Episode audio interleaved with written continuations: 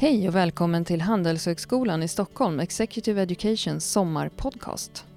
Vi har bett några av Handelshögskolans främsta forskare och experter välja ut spännande och viktiga ämnen som de tycker att framtidens chefer borde ha koll på. Jag heter Klara Fröberg.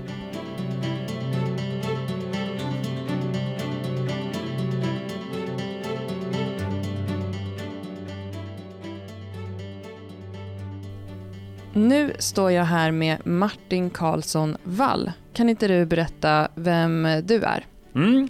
Ehm, jag är chef för Handels forskningscenter kring sport och business. Ehm, jag, jag brukar säga det till en del av de jag undervisar som är klubbdirektörer i fotboll och hockey. Att jag är liksom en professionell hangaround. Ehm, jag har idrottat eh, länge men varit aldrig tillräckligt bra i varken fotboll eller bandy.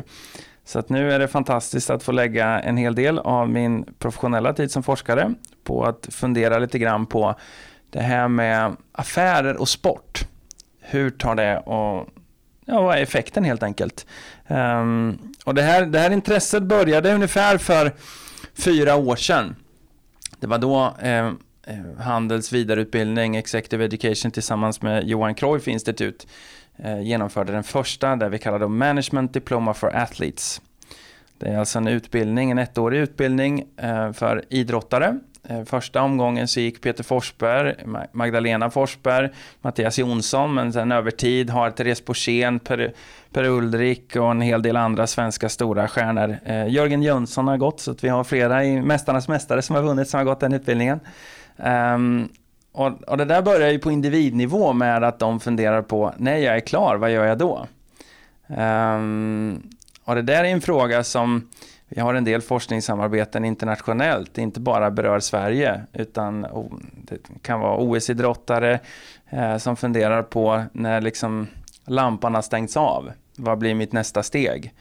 Um, för en del så sker det jättenaturligt uh, och för en del så är det en enorm omställning.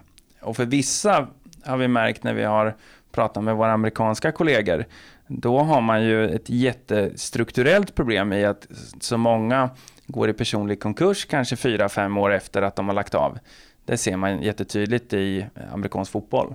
Um, och det brukar ta den här liknelsen att det är inte bra för varken Paul Gascoigne eller för brittisk fotboll eller alla fans att han inte mår bra. Utan det här med att hitta ett, en andra karriär när ens idrottskarriär är klar. Det har vi börjat liksom fundera på.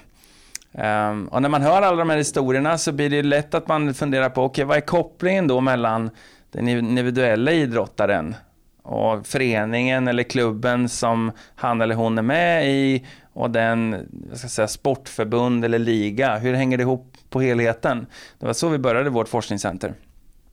Um, och idag så är vi 17 forskare på Handels och även en del internationella kontakter. Vi har 15 forskningsassistenter, så nu är det en ganska stor verksamhet. Ett tiotal forskningsprojekt där vi jobbar och har strategiska samarbeten med svensk fotboll, svensk hockey, svensk handboll, trav, svensk klassiker, SOK och Riksidrottsförbundet. Så att det har varit en... Eh, vi är ju i början på vår liksom, långa resa. Um, men det är ändå häftigt att fundera på någonting. Jag brukar ha en sån här bild. Eh, där den första bilden är på Åshöjdens BK. Och det skulle lika gärna, jag är ju från Linköping, det skulle lika gärna kunna varit Åtvidaberg. Eh, Tom Valan gjorde en härlig sån här dokumentär om Åtvidaberg och liksom storhetstiden på 70-talet och liksom den starka kopplingen då mellan Facits räknemaskiner och Åtvidabergs fotboll. Um, men idag är ju, idag är ju idrott något annat. Um, eller så här ska jag säga, idrott är delvis en enorm folkrörelse, för det är det man inte tänker på. Ibland säger folk till mig, jaha, men kan du forska om idrott? Det är väl bara liksom att ett antal spelare om boll, men så är det verkligen inte. Idag är idrott den absolut största folkrörelsen. Av Sveriges 9 miljoner invånare är någonstans mellan 3 och 4 miljoner engagerade i idrott. Den näst största folkrörelsen är kultur, med cirka en miljon. Och den tredje är politiska partier med 500 000. Så det här är ett enormt samhällsfenomen. Och, och historiskt så har ju den här folkrörelse-Sverige Idrott spelat jättestor roll för hur vi utbildar våra medborgare och, och hur vi får liksom en bra folkhälsa och allting.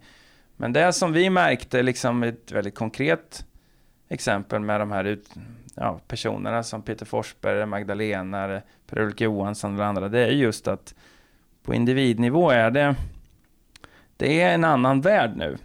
Och jag pratade nyligen med ett, en person som har spelat i NHL och han sa det att det är en stor utmaning idag därför att för 20 år sedan när Mats Näslund och andra kom tillbaka från NHL men de, de tjänade ju inga pengar innan, så de hade ett yrke. Så när de kommer tillbaka, då, då har ju de en identitet som vad det nu kan vara. Mm. Men de spelare som kommer tillbaka nu, de har knappt gått klart gymnasiet och tjänade ganska bra med pengar från början. Så när liksom lampan stängs här, då, då vet ju inte de riktigt vad de ska göra. Um, så, att, så att både på individnivå, på klubbnivå och förbundsliganivå så inser vi att det händer väldigt mycket inom idrott och kommersialisering och det är det som vårt sportcenter då vill, vill vara med och utveckla. Um, och där kan man väl säga att vi, vi um, ja, förutom att utbilda idrottare så har vi gjort ganska stora utbildningsinsatser Eh, för klubbdirektörer, både inom fotboll och hockey. Och det som har kommit fram där är ju det här att man satsar jättemycket idag på utövarna, själva idrottarna. Man satsar ganska mycket på tränarna. Men det som sker på kanslierna, där händer det ingenting. Så även att alla vet att Ja, det finns en väldigt stark koppling över tid mellan hur mycket pengar du har och krasst vilken idrottsprestation. Jag mm. menar, nu igår så såg vi Island slå England, det är ju fantastiskt. Vi har ju i Premier League det här med Leicester, jag själv som håller på IFK Norrköping. Det är underbart med alla dessa oväntade saker som dyker upp i idrott. Men krasst är det så att om man tittar på den generella trenden så är den att de som har mycket pengar, de får också en relativt bättre idrottsprestation. Och då är det lite märkligt att idrottskanslier är nästan den bortglömda delen. Nästan där man liksom inte lägger pengar. Det är liksom de som sitter i en barack kanske ehm, och inte har några kollegor. Så att, så att ehm, det vi brinner för i vårt Center for Sports and Business, det är idrottskanslierna. Som vi då tänker oss att det vill vi bidra med så att de blir moderna sportkontor. För, för att eh, krast, krasst, som sagt, nästan jag och många av mina kollegor, vi har någon typ av idrottsbakgrund eller älskar idrott. Men vi är ju liksom inte proffs på idrott. Vi är ju eh, tyckare. men när det gäller, när det gäller business så, så har vi ju forskat en hel del och Handels har 100 års erfarenhet. Så, um, så vår tagline i Center for Sports and Business är We know business, we love sports. Eh, just för att vi liksom älskar sport och inser att själva den organisatoriska sidan, den, den kan utvecklas eh, ytterligare då. Ehm, så det är det som vi har jobbat med. När jag hör det du säger som tidigare själv engagerad inom den ideella idrotten så, så slår det verkligen an någonting i mig just det här att man måste börja på kanslierna. Man brukar säga att ett varumärke byggs inifrån.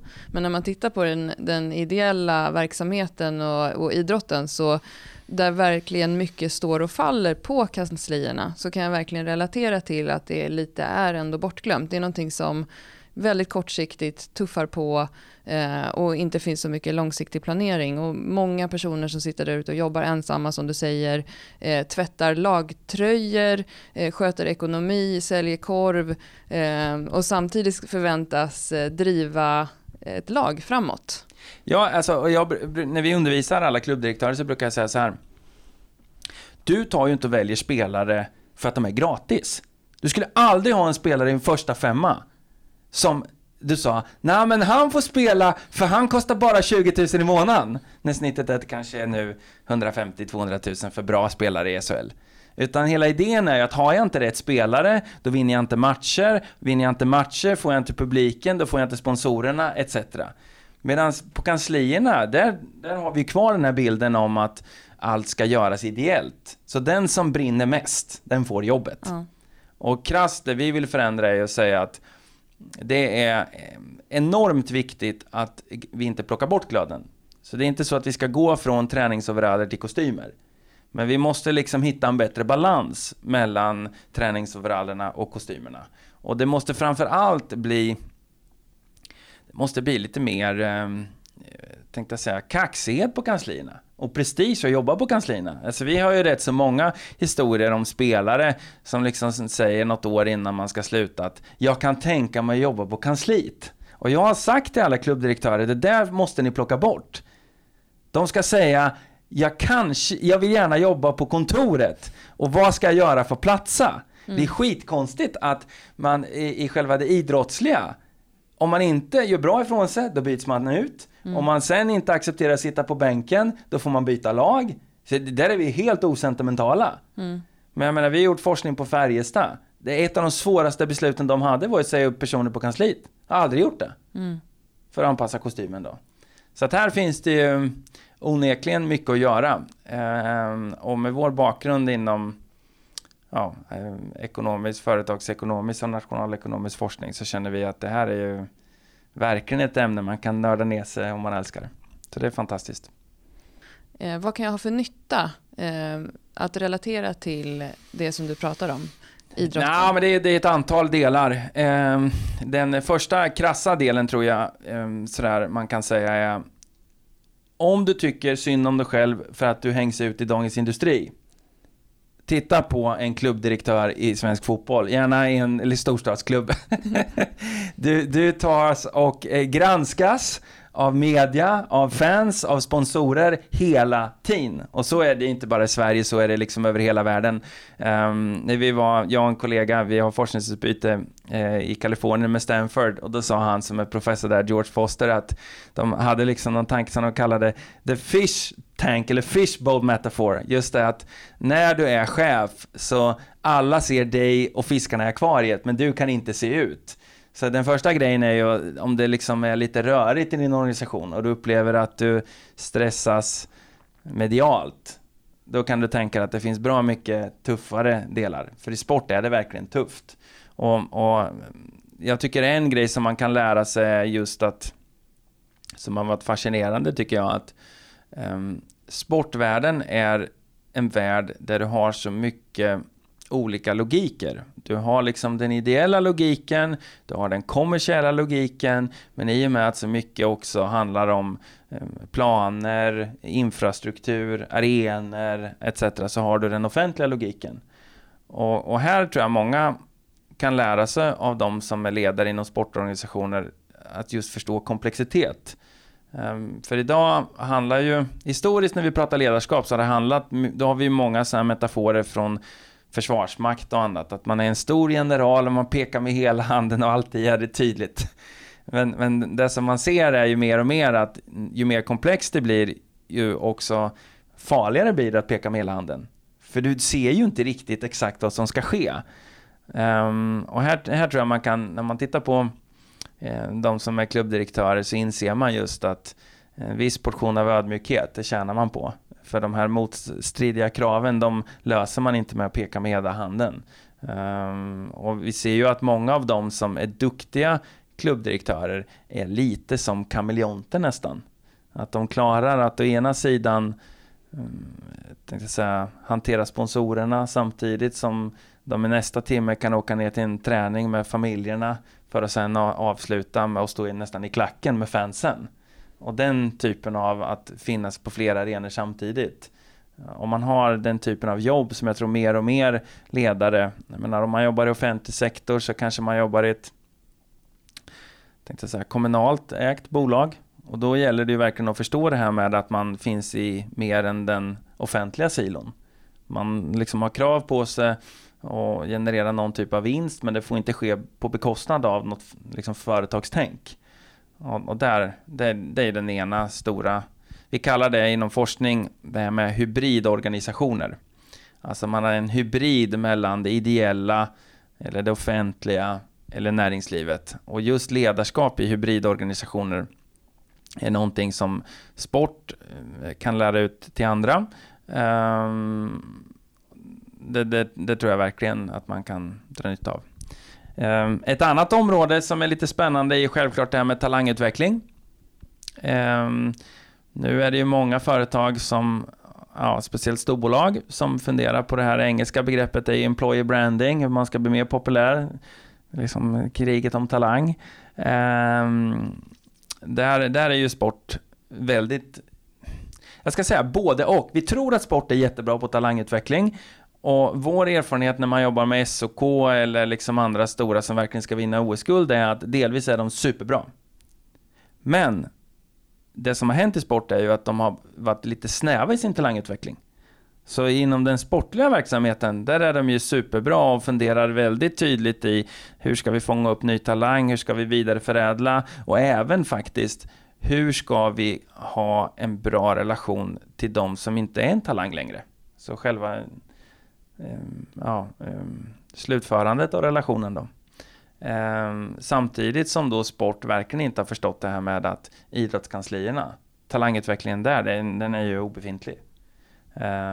Så där, där finns det en, en stor läxa. Ett tredje område som jag tycker är klart spännande och intressant är det här med när vi pratar mycket kring produktutveckling och innovation är det många som tycker det är ett spännande område. Och um, en, en, viktig dimension när man tittar på forskning i produktutveckling är ju det här med att ta in sina kunder.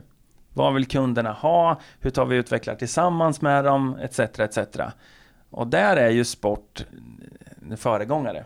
Alltså att man är väldigt nära kopplad till sina fans. Man funderar på vad behöver media, tv-kanaler ha? Um, det engelska begreppet heter co-production. Att man gör någonting tillsammans. Um, och det, det, som, det som är väldigt spännande är ju också att det är inte bara själva produktutveckling som är det viktiga för att få till en, en bra upplevelse på arenorna. Utan det är ju även att själva arenaupplevelsen är ju så viktig för andra intäktsflöden. Den stora pengen idag i idrott ehm, är ju inte bara biljettpriserna, utan det är ju tv-mediarättigheter, men även mer och mer alltså spel och betting. Och då är det krasst viktigt att vi upplever att det som sker på arenan är spännande. Och eh, vi kan ta Hammarby som exempel. Eh, fantastisk arenaupplevelse och då gör ju det sen att många vill följa Hammarby, de vill se dem på TV. Så även att man sitter på distans så känner man ändå man är nästan där. Jag menar, Islandsmatchen igår är helt fantastisk. Jag tror många svenskar kan identifiera sig nu med Lasse Lagerbäck och känner verkligen att det här blå havet, man önskar att man var en del av ett vinnande hav. Um, där tror jag många företag kan lära sig en hel del hur man skapar tillsammans med sina användare eller kunder. Så det är väl ett tredje område då. Um, mm. Om om jag som lyssnar på det här känner att här, här vill jag veta mer, jag vill lära mig mer om det här, jag vill grotta ner mig i, i, de, i de här ämnena, vad, vad kan jag göra då? Kan ja, jag läsa? Men då, då är ju, tycker jag, eh, Eh, det är klart, man, man kan alltid läsa olika böcker om man vill, men, men um, inom sport så är det framförallt poddar som är det intressanta. Jag är ju själv eh, väldigt nördigt intresserad av hockey. Um, och hockey och fotboll har ju mycket poddar. Um, så till exempel inom, uh, jag gillar ju framförallt då NHL. Och då finns det både svenska poddar, Aftonbladet har en jättebra podd, um, men det finns nästan, det är bara att söka på, man går in på iTunes och så söker man på sin respektive idrott. Generellt skulle jag säga att sport är ett område där man ska hitta nördarna. För det är de som har liksom koll på detaljerna. Mm. Och jag menar, det är ju likadant med ledarutveckling. Att ska man hitta någon som är bra så måste personen brinna för det. Och då, poddformatet tycker jag gör att om man har lyckats ha en, eh, ja men, men krasst om man har mer än 50 avsnitt. Då har man en, en, en lyssnarkrets som är så pass int intresserade. Och det indikerar också att då är du nördigt intresserad av ämnet, för annars kan du inte behålla en läsarkrets så länge. Mm. Så krasst skulle jag gå in och söka på iTunes och sen se hur många avsnitt har de. Och när det börjar liksom komma mot en 30-40 då vet man, de här har koll på läget och det är de man tittar på. Mm.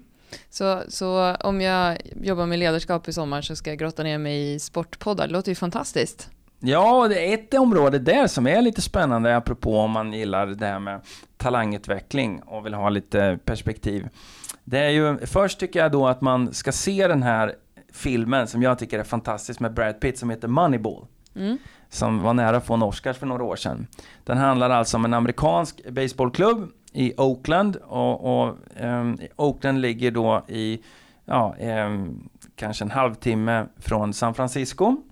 Um, och om San Francisco är den lite mer glättiga, liksom profilerade delen av, av det som man kallar Bay Area så är ju Oakland ja, arbetarklassområdet, det är lite ruffiga där det inte riktigt finns tillräckligt med sponsorer. Mm. Och, och, och, filmen handlar då om att Brad Pitt tar över baseballlaget. Och baseballlaget inser att vi är ju liksom inte en av de stora klubbarna, så vi kommer ju aldrig ha tillräckligt med pengar för att vinna då, eh, ja, vinna titeln, eh, eller World Series. Eh, så hur ska vi göra istället? Och så tar Brad Pitt in en kille som kan räkna från Princeton. Um, för idén är att vi tenderar, och det här tycker jag är spännande, vi tenderar att anställa personer som är sympatiska. Om de är som oss själva och är lite allmänt trevliga, då tenderar vi att säga du är en bra lirare, det är klart du ska jobba för mig. Uh, och problemet där blir ju att, speciellt på en sportmarknad, um, då betalar man lite för mycket för de trevliga killarna eller tjejerna. Um, så idén som, som då sen har blivit en skola är att Brad Pitt säger, nej men baseball, visst vi är ett lag, men det är ganska mycket individuellt till skillnad från andra sporter. Jag menar man går ut där och sen gäller det att liksom slå bollen så att det blir en homerun, eller åtminstone att, att man får någon som kan springa till de olika baserna. Så istället, vi ska titta på statistik. För krasst så kan vi se vem som är bra och vem som inte är bra. Och så ska vi sålla bort den där magkänslan kring om det är trevlig eller inte trevlig. Och givet att marknaden tenderar att betala lite mer för de som är trevliga, vårt enda sätt att konkurrera, det är ju krasst att anställa de som är lite bråkmakare, lite tråkiga, eller de som folk uppfattar som lite knepiga av sig. Och så bygger de ett lag av det och är jättenära att vinna World Series. Och det har gett upphov i att i amerikansk proffsidrott så använder man statistik för att fånga den som är talang i mycket högre utsträckning. Och jag tror den här typen av mätning potentiellt också kan komma till ja, näringslivet eller offentlig sektor och ideell sektor. Och då landar man ju i det här, går det att hitta talang via siffror? Det är många som tror det. Jag personligen är inte alls säker. Men det är ändå en spännande fråga. Går det att hitta talang mätmässigt? Eller ska vi liksom göra intervjuer och hur ska vi tänka kring det? Så den här um, mäthysterin som finns kring um, ja, att hitta rätt idrottare och, och nörda ner sig lite där. Det skulle vara mitt uh, tips. Men framförallt se filmen Moneyball, den är fantastisk. Stort tack för att du kom hit. Tack själv. Du hittar Martin Karlsson Walls tips och fler sommarpratarpoddar på www.exedscc.se sommarpratare 2016.